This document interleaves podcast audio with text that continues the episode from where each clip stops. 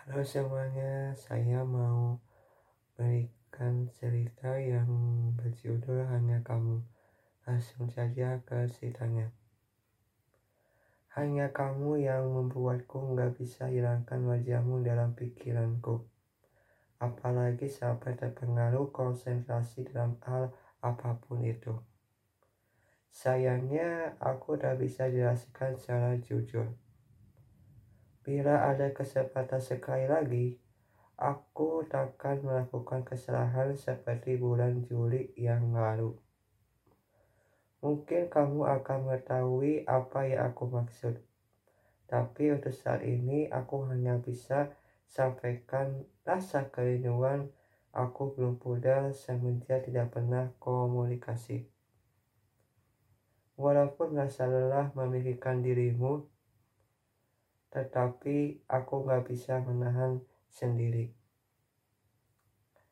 Ingin sekali kamu selalu ada di sisiku meskipun tahun ini mengatakan demikian. Belum tentu kamu gak mendengarkan isi hatiku seperti apa.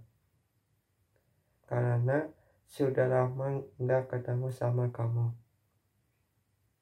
Mudah-mudahan saja kamu baik-baik Aku akan selalu mendoakanmu dari jarak jauh. Oh iya, hampir lupa. Sekarang kan kamu udah wisuda. Makanya aku tidak pernah ketemu sama kamu. Pantas saja rasa kerinduan ini masih aku rasakan sampai sekarang. Walaupun dari lubuk hatiku selalu bilang, kalau cinta sama dia, seharusnya bilang dong, nggak perlu memendam perasaan sendiri. Emang kuat menahan perasaan sendiri.